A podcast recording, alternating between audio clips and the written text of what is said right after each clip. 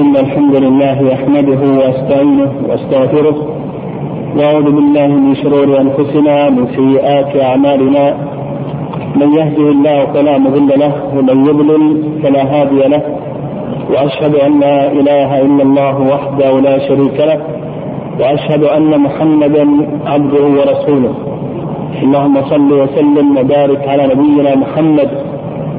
وبعد فسبق في الدرس السابق شيء من أقسام وأنواع الودائع المصرفية وذكرنا بأن هذه الودائع تنقسم إلى قسمين القسم الأول الودائع المصرفية غير الاستثمارية وذكرنا تحتها انواعا ثلاثة أنواع والقسم الثاني الودائع المصرفية الاستثمارية وذكرنا شيئا من أنواعها وبقي نوع واحد.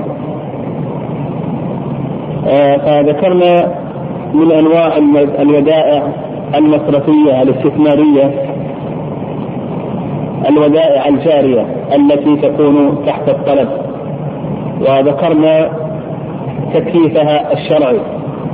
هل هي قروض أو ودائع وذكرنا أن المتأخرين اختلفوا في ذلك على رأيين. وذكرنا شيئا من أدلتهم. وأيضا تعرضنا لمسألة وضع النقود في مثل هذه المصارف إلى آخره. ثم تكلمنا أيضا عن الودائع الائتمانية. كذلك أيضا الودائع لاجل وأن الودائع لأجل هي المبالغ النقدية التي يودعها أصحابها في المصارف لأجل معين لا يحق لهم سحبها إلا بعد انقضاء الأجل. وذكرنا أن المصارف تدفع لأصحاب هذه القروض فوائد ربوية وهذه الفوائد هل هي محرمة أو ليست محرمة إلى آخره؟ وان جمهور أهل جمهور أهل العلم على تحريمها. وان بعض المتأخرين ذهب إلى حلها وذكرنا أن أبرز أدلتهم شبهتان. الشبهة الأولى قالوا بأن المحرم هو الربا في القروض الاستهلاكية دون الاستثمارية. أما الاستثمارية فإنه يجوز أخذ الربا فيها. وذكرنا الجواب عن هذه الشبهة. والشبهة الثانية قالوا أن المحرم هو الربا أضعافا مضاعفة حملا للمطلق على المقيد. المحرم هو الربا أضعافا مضاعفة حملا للمطلق على المقيد كما قال الله عز وجل يا أيها الذين آمنوا لا تأكلوا الربا أضعافا مضاعفة. ومثل هذه الفوائد ليس فيها هذا النوع فليست أضعافا مضاعفة. وأجيب عن هذه الشبهة بأجوبة. الجواب الأول أن قول الله عز وجل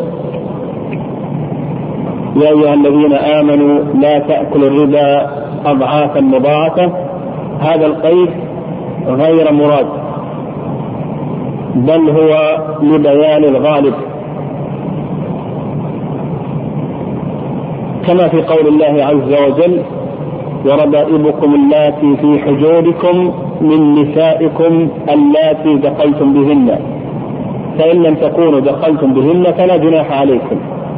فقول الله عز وجل وربائبكم اللاتي في حجوركم. قوله اللاتي في حجوركم هذا قيد أغلبي. وعند الأصوليين ما كان قيدا أغلبيا فإنه لا مفهوم له.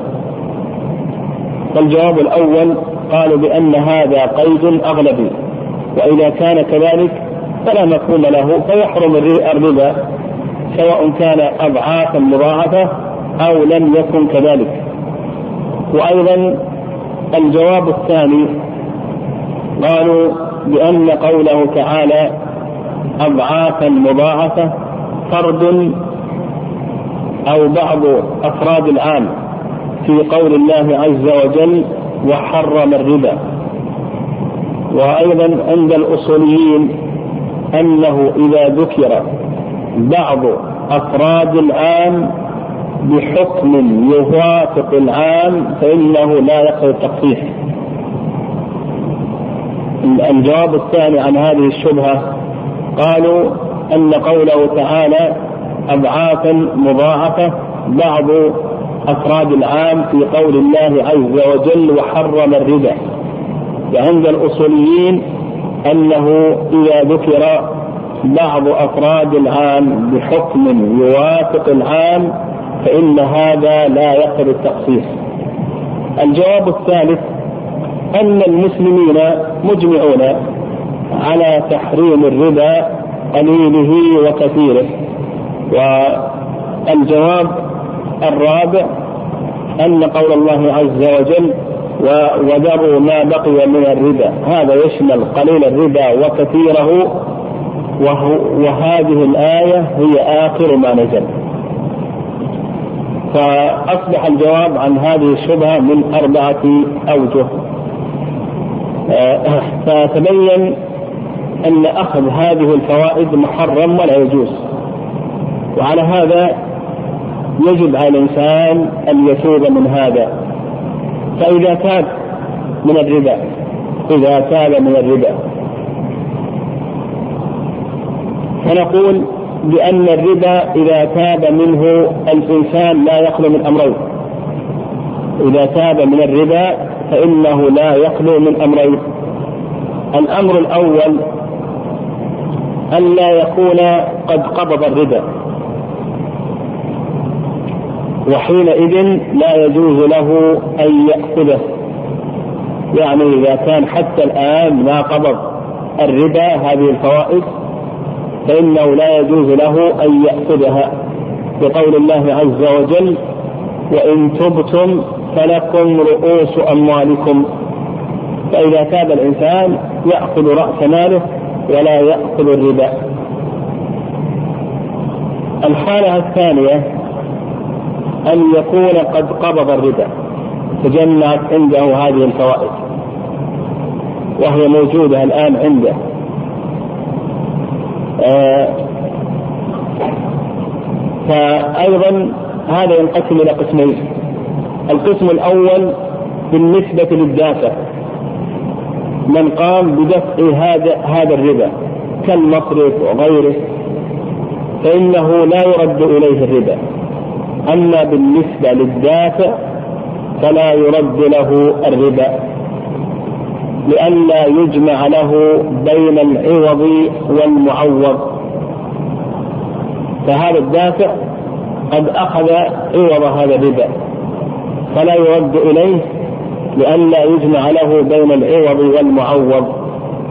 وأما بالنسبة للقابض بالنسبة للقابض فلا يخلو من أمرين يعني من تجمعت عنده هذه الأموال الربوية في حساباته ونحو ذلك فهذا لا يخلو من أمرين. الأمر الأول أن يكون جاهلا. جاهلا بهذه المعاملة المحرمة من ربا أو غيره.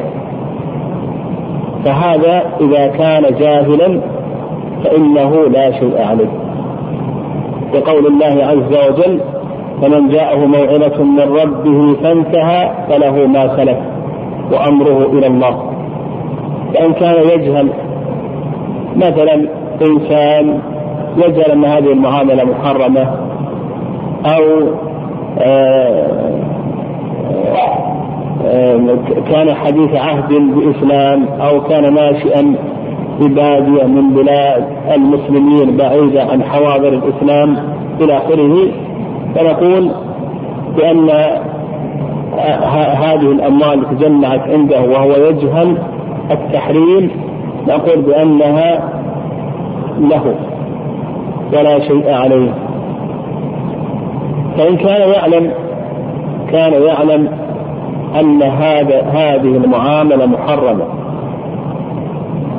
وأن أخذ هذه الفوائد لا يجوز إلى آخره. ثم تاب ففيه خلاف بين شيخ الإسلام تيمية رحمه الله ابن القيم فشيخ الإسلام تيمية رحمه الله يقول أيضا إذا تاب فإنها تكون له. يعني الإنسان يعلم أن هذا محرم وأخذ هذه الفوائد محرم أو غير ذلك من المعاملات التي تحرم بكسبها وأخذ هذا المحرم ثم بعد ذلك تاب. شيخ الإسلام يقول إنه إذا تاب له هذه الفوائد. وقال بأن الله عز وجل آه لم يأمر برد الربا. وإنما أمر بعدم أخذه.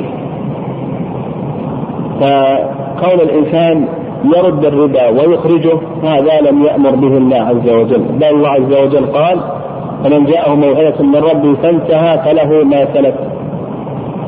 والذي أمر الله عز وجل به هو ألا يأخذ الربا وإنما يأخذ رأس ماله. بقول الله عز وجل وإن تبتم فلكم رؤوس أموالكم. وأيضا هذا مما يسهل على الإنسان أو على الذي فعل المحرم التوبة.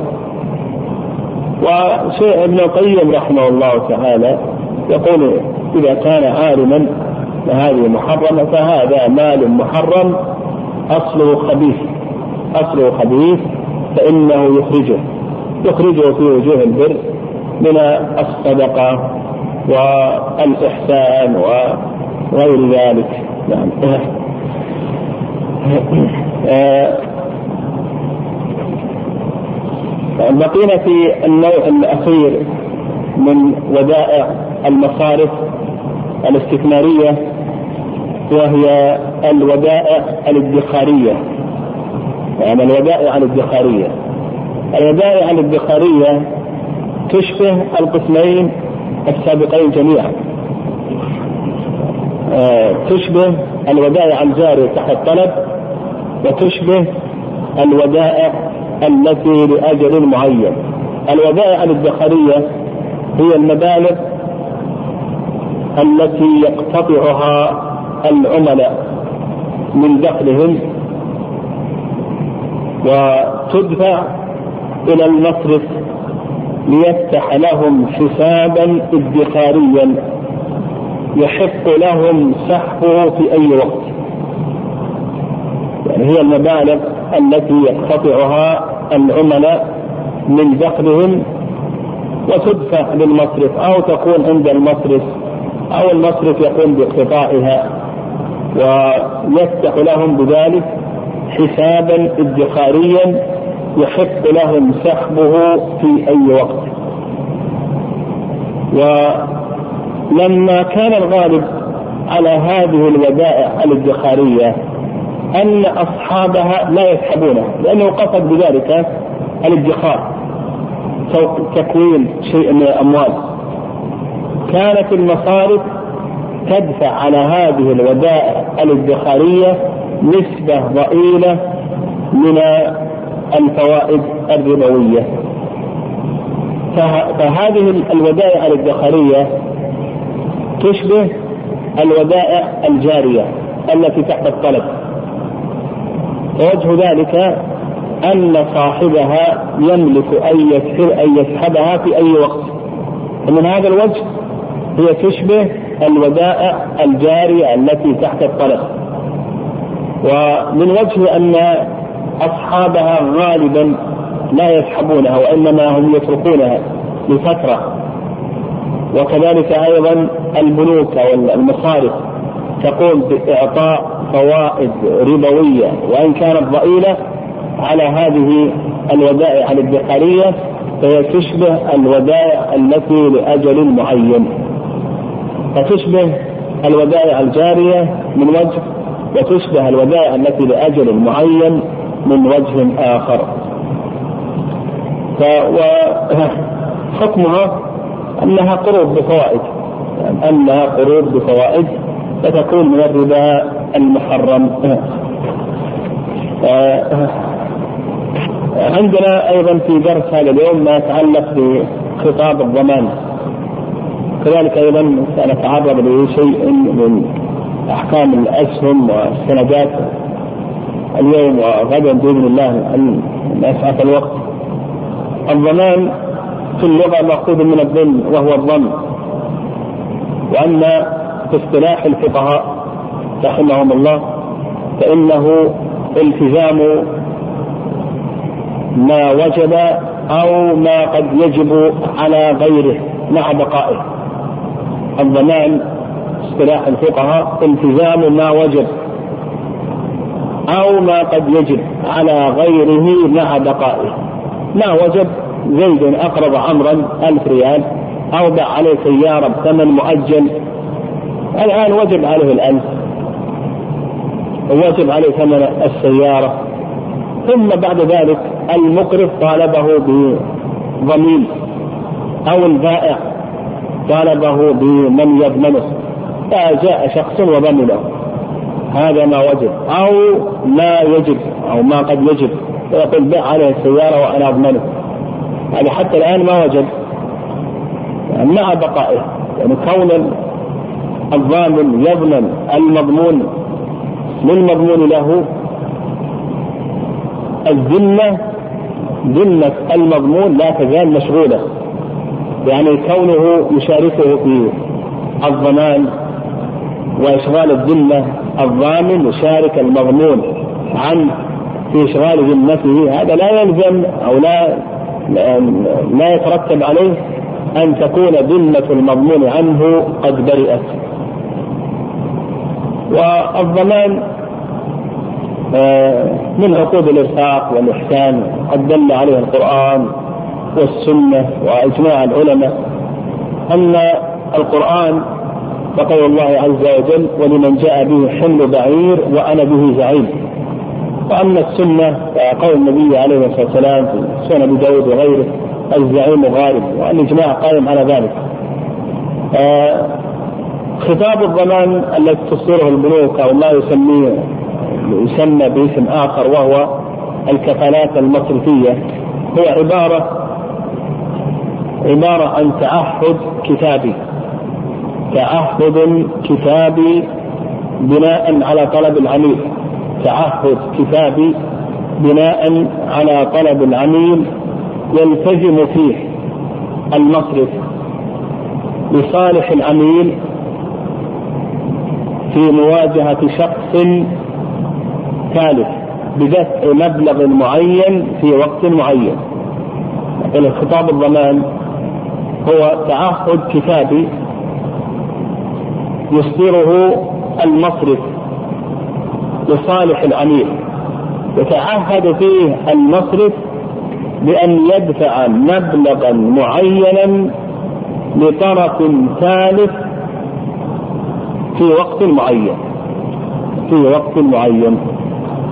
خطابات الضمان آه، من حيث الغطاء تنقسم إلى قسمين. من حيث الغطاء تنقسم إلى قسمين. القسم الأول القسم الأول آه أن يكون الغطاء كاملا مئة بالمئة.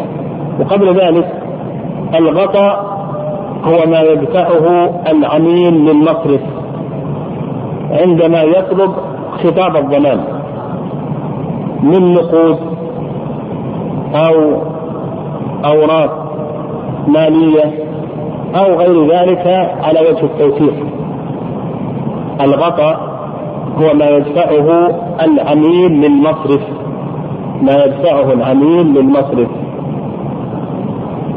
عند طلبه لخطاب الضمان من نقود أو أوراق مالية آه، أو آه، أعيان مالية على وجه التوثيق الغطاء هذا ينقسم إلى قسمين إما أن يكون كاملا وإما أن يكون جزئيا. كامل وذلك أن يمثل الغطاء مئة بالمئة يمثل الغطاء مئة بالمئة من قيمة الضمان. فمثلا يطلب خطاب ضمان بمليون ريال. هو دفع العميل دفع المصرف غطاء مليون ريال. هذا غطاء كامل وقد يدفع آه، أسهم يعني أوراق مالية آه، هذه الأوراق المالية عبارة عن اسهم في شركات. وسياتينا شيء من بحث الاسهم في شركات. وقد يدفع آه، وثائق عقارات ونحو ذلك. المهم أن يكون الغطاء مساويا بما طلبه العميل من المصرف أو أكثر. فهذا غطاء كامل. القسم الثاني غطاء جزئي. غطاء جزئي وهو غطاء لبعض قيمة الزمان. فقد يطلب العميل من المصرف مئة ألف ريال ويعطيه خمسين ألف ريال أو يعطيه مثلا أسهما بقيمة خمسين ألف ريال إلى آخره. آه فهذا قضاء جزئي قضاء جزئي. كذلك أيضا يقسم الغطاء إلى قسمين من حيث الشكل. القسم الأول من حيث الغطاء أيضا القسم الثاني من حيث الشكل ويتنوع إلى نوعين. النوع الأول خطاب ضمان ابتدائي. خطاب ضمان ابتدائي. وخطاب الضمان الابتدائي هذا تعهد من المتقدم يدل على جديته واستمراريته وعدم انسحابه. خطاب ضمان ابتدائي. يعني يأخذ من المصرف ومن البنك خطاب ضمان ابتدائي يقدمه عند طرح المناقصه وسياتينا فائدة خطابات الضمان هذه. المهم القسم الأول خطاب ضمان ابتدائي. خطاب ضمان ابتدائي هذا يقدمه المتقدم أو تعهد يقدمه المتقدم آه، لضمان جديته واستمراره وعدم انسحابه. الثاني خطاب ضمان نهائي يعني خطاب ضمان نهائي وهو تعهد يقدمه العميل أو المتقدم لقيامه بتنفيذ العملية تعهد يقدمه المتقدم في هذه المناقصة ونحو ذلك لضمان قيامه بتنفيذ العملية وفق النصوص أو الشروط المتفق عليها. هذا خطاب ضمان نهائي. بعد أن ترسي المناقصة عليه يقدم هذا الخطاب خطاب الضمان. فائدة خطاب الضمان فائدة خطاب الضمان. فائدة خطاب الضمان الضمانات أو خطابات الضمانات يلجأ إليها آه، أصحاب الشركات وأصحاب رؤوس الأموال آه، يلجؤون إلى المصارف لأخذ هذه الخطابات عند طرح المناقصات الحكومية. يعني عندما يكون هناك مناقصات حكومية ومزايدات فيتقدم رؤوس اصحاب رؤوس الأموال والشركات للدخول في مثل هذه المناقصات التي تطرحها الدول. فبدلا الحكومة لكي تضمن استمرار العميل في هذه المناقصة تطالبه بضمان بأموال بان يضع نقودا فبدل من ما يضع النقود تحجز عليها النقود ولا يستفيد منها لمدة معينة بحيث أنه إذا لم آه، يتمكن من هذه المناقصة لم تكن عنده هذه المناقصة يأخذ فترة طويلة لكي يخلص هذه النقود.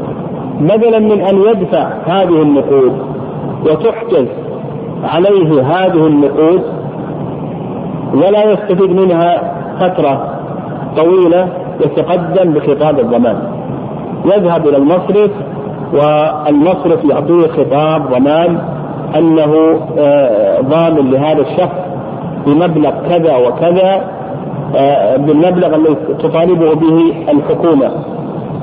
بدلا من أن يودع أمواله عند الحكومة ويتاخر عليه أن يسحب هذه الأموال فلا يستفيد منها يتقدم بخطاب ضمان بمقدار هذه الأموال التي يطالب فيها.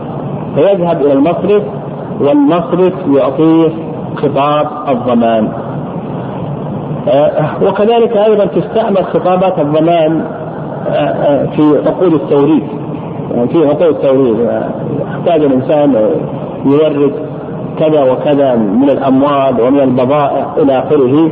فأصحاب المصانع والشركات يطالبونه بخطابات الضمان هذه. فلكي يرجعوا بالثمن على البنوك إلى آخره. فيذهب صاحب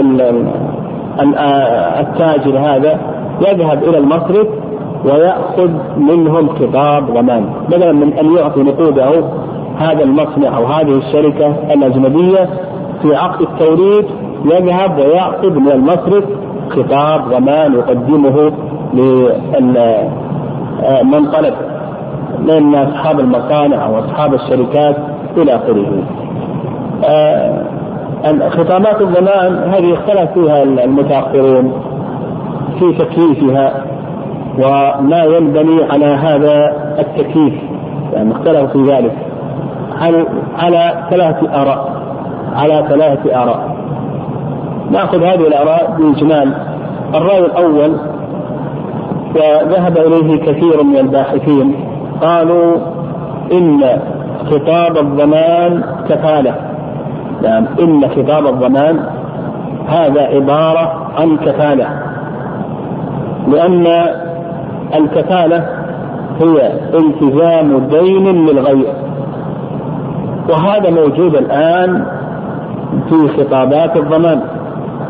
فالمصرف يلتزم الدين الذي يكون على التاجر أو على من يريد أن يدخل في هذه المناقصة للغير اما للحكومة أو لصاحب المصنع أو لصاحب الشركة إلى آخره. فقالوا بأن خطاب الضمان هذا خطاب كفالة. نعم خطاب كفاله أو عقد كفالة عقد كفالة. وعقد الكفالة هو التزام دين للغير.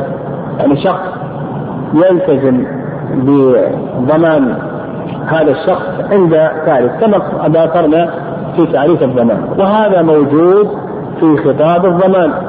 فالمصرف يقوم بالتزام آه الديون التي تكون على هذا التاجر أو من أراد أن يدخل في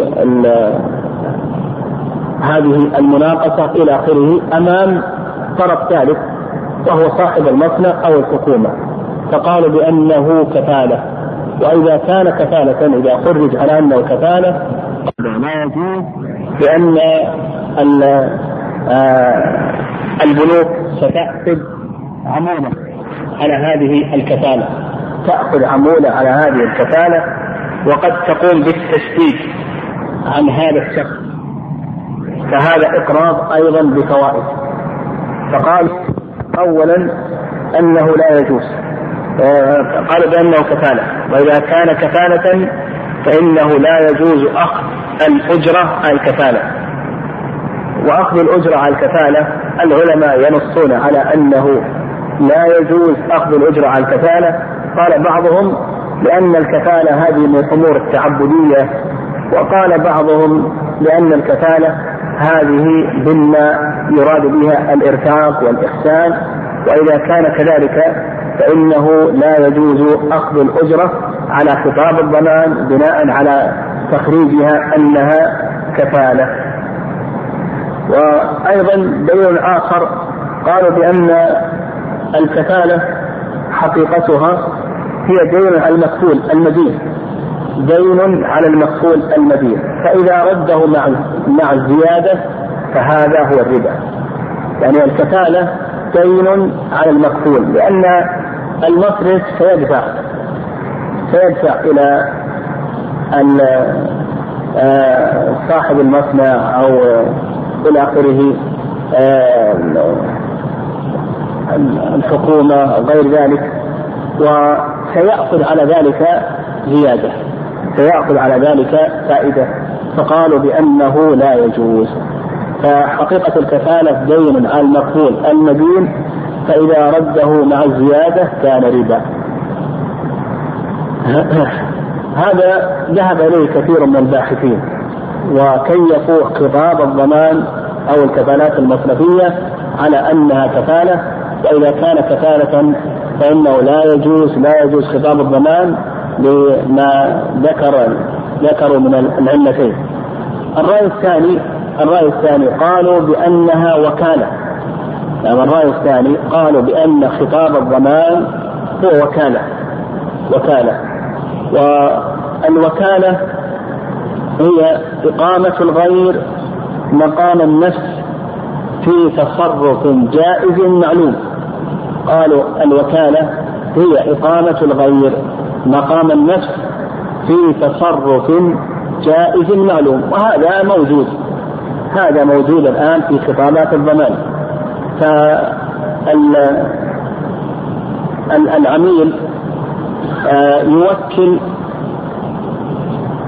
المصرف في تصرف معلوم يوكل آه، جائز موجود هنا تصرف معلوم جائز آه، فيقوم بتوكيله أن يسدد عنه هذه الضمانات.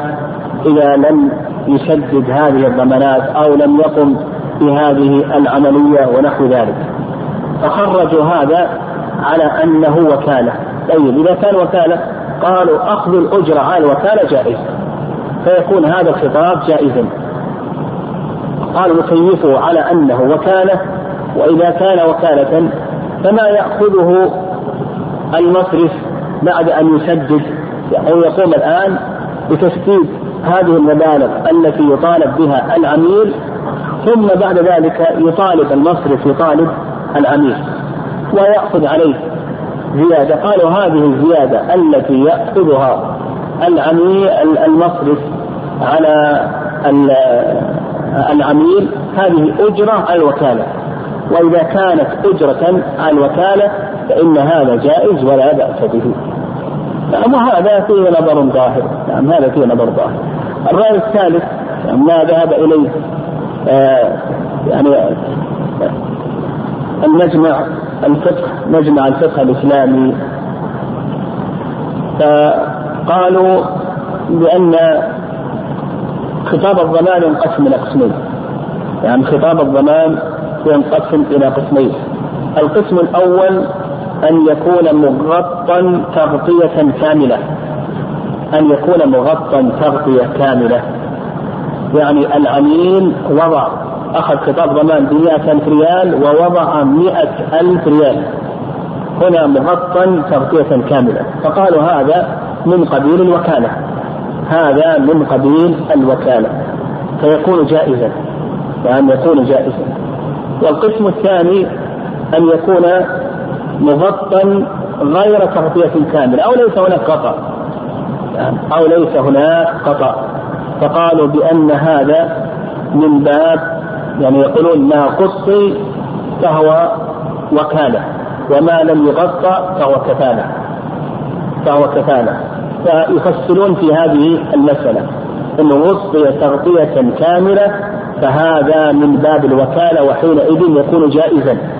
يكون جائزا خطاب الضمان. وأما إذا لم يغطى تغطية كاملة أو لم يكن هناك قطع أم لم يكن هناك قطع فإنه لا يجوز في هذه الحال. لأنه يكون كفالة والكفالة كما تقدم لا يجوز أخذ الأجرة عليها كما سبق. هذا ما ذهب إليه مجمع الفقه الإسلامي وهو التفسير اللجنة الدائمة للبحوث العلمية والإفتاء والدعوة والإرشاد في المملكة منعوا هذا مطلقا.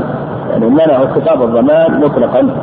وقالوا حتى ولو قص تغطية كاملة لأن هذا الغطاء آه الذي دعه العميل للمصرف مئة ألف ريال. قالوا هذا الغطاء رهن. هذا رهن و المصرف سيقوم باستعمال هذا الرهن. وهو ليس مركوبا ولا محلوبا. الذي يجوز للمرتهن أن يستخدمه هو ما هو ما يتعلق بالظهر إذا كان مركوبا يركبه بنفقته واللبن إذا كان الحيوان إذا كان يشرب لبنه فإنه يشرب اللبن بالنفقة. فقالوا بأنه يمنع من ذلك حتى ولو كانت تغطيه تغطية كاملة. لأن هذا من قبيل استخدام الرهن من قبل من قبل من من قبل المرتهن. يعني من قبل المرتهن. ولا يجوز له ذلك خصوصا إذا كان سبب الرهن القرض. لأنه يكون داخل في القروض أو في منافع القروض المحرمة. وهذا ليس مما جاء الشرع بإباحته بأن يكون آه، المرهون ظهرا يركب أو لبنا يشرب بالنفقة بالنفقة. قبل ذلك آه، لا بد أن نعرف شركة المساهمة. ونبين أن شركة المساهمة لا لا تخرج عن أقسام الشركات التي ذكرها العلماء رحمهم الله في آه، الزمن السابق. وهذا لعل يعني ما ذهب إليه نجمع من حاجة يعني مع الفقه الإسلامي لعل ما ذهب إليه أقرب يعني لوجود الحاجة. يعني كما ذكرت قد يصعب على الناس إنه يدخل هذه الأموال. يصعب عليه انه يدخل هذا المال يدفع أمواله ثم بعد ذلك يحتاج مرة أخرى إلى تخليصها وهذا يستمر إلى فترة طويلة آه، يمنعه من الإفادة من هذه الأموال.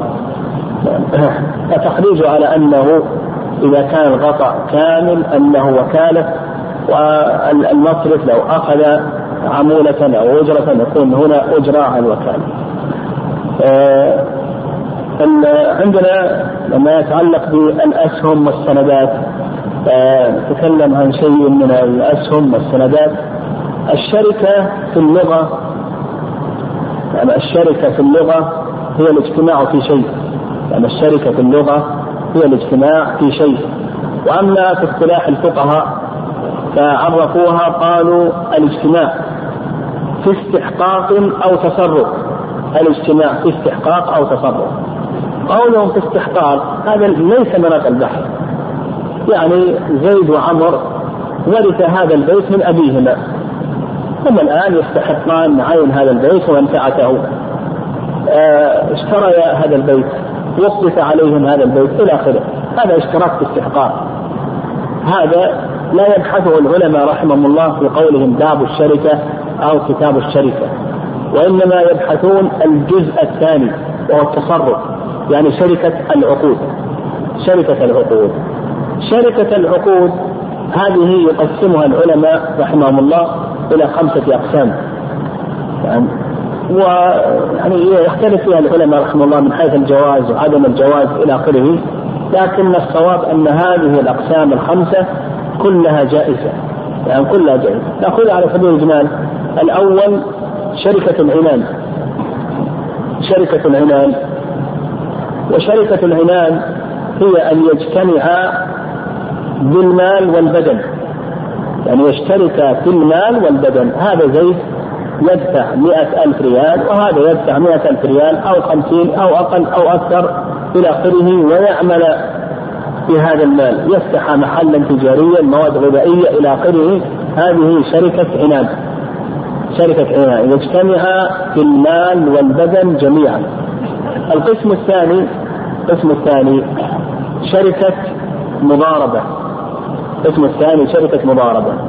وشركة المضاربة هي أن يدفع ماله لمن يقوم عليه بجزء مشاع معلوم من الربح.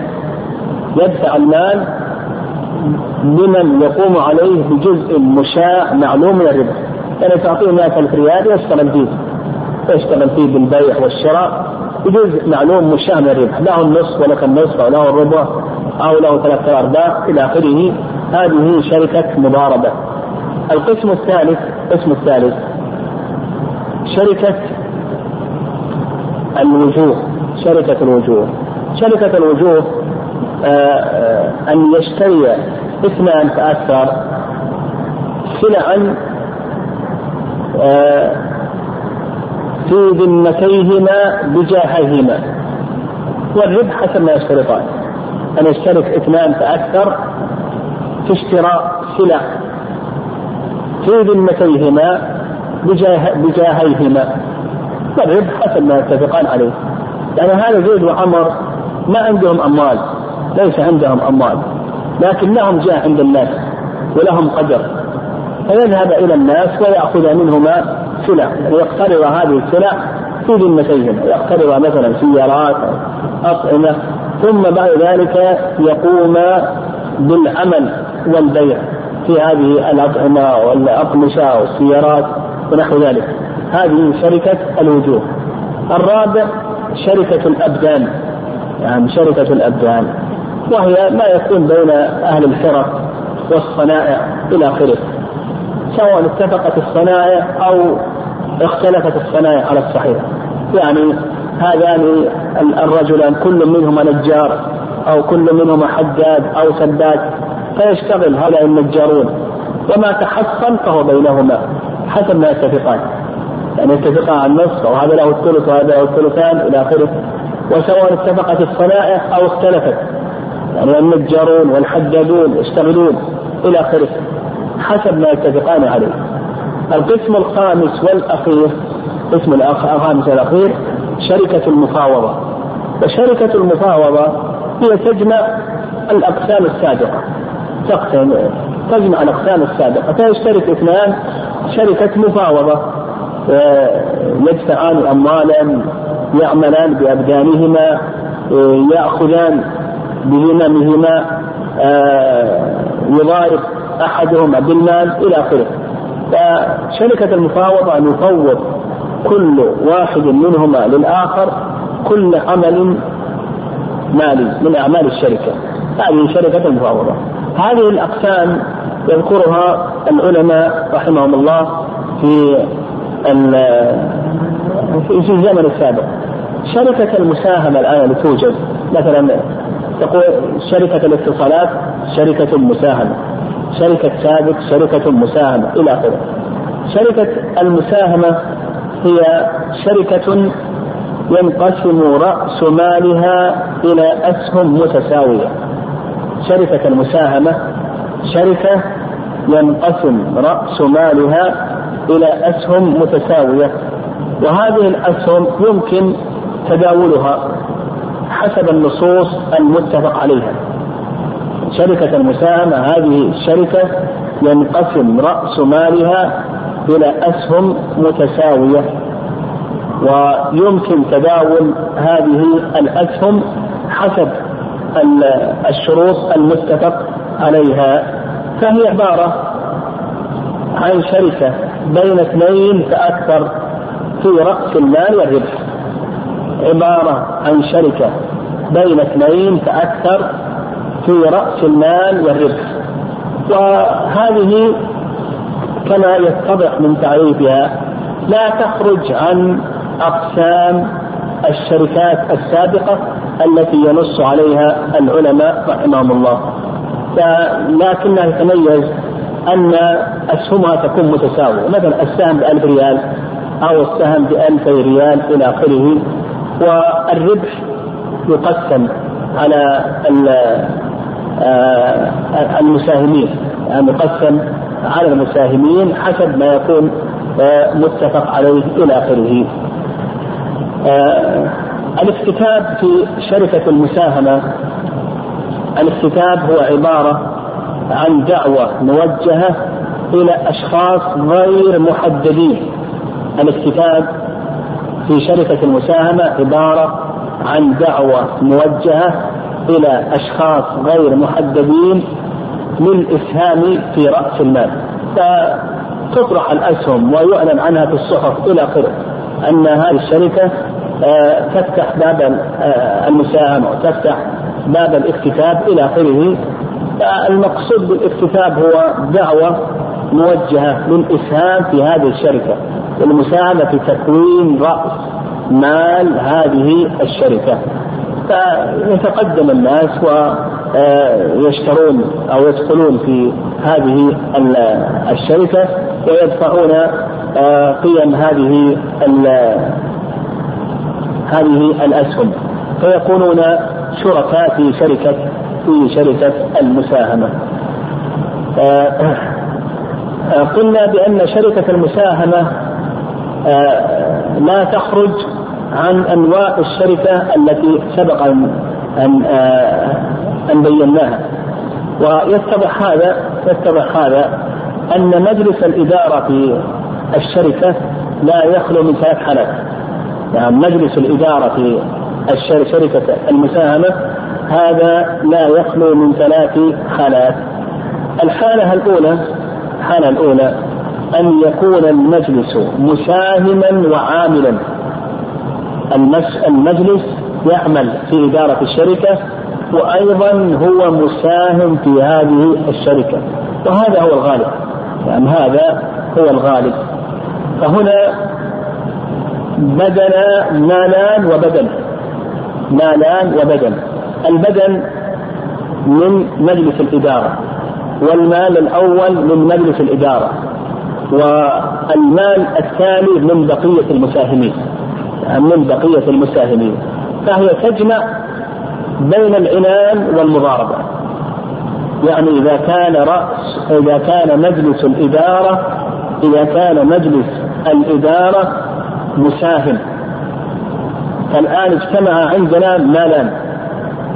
مجلس أعضاء مجلس الإدارة يدفعون مالا وبقية المساهمين يدفعون مالا. أعضاء مجلس الإدارة يديرون العمل يديرون العمل. فهذا بدل. فالآن اجتمع عندنا شركة عنان وشركة مضاربة. شركة العنان أن يشترك في المال وفي البدن. وشركة المضاربة آه، آه، شركة المضاربة هي أن يعمل يدفع عليه المال ويقوم بالعمل يقوم بالعمل. فمن حيث أن كل منهما من كل منهما مال فهذا عنان يعني كل منهم دفع مالا هذا عنان وأحدهما عمل والآخر لم يعمل هذه مضاربة. فنقول القسم الأول إذا كان مجلس الإدارة مساهما فهو يعمل الآن ويساهم. كل منهم دفع مال شركة عنان كما نص على ذلك ابن قدامة رحمه الله.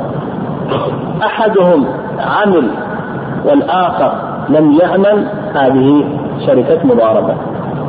هذا القسم الأول. تقدم أن شركة المضاربة وشركة العنان كل منهما جائز.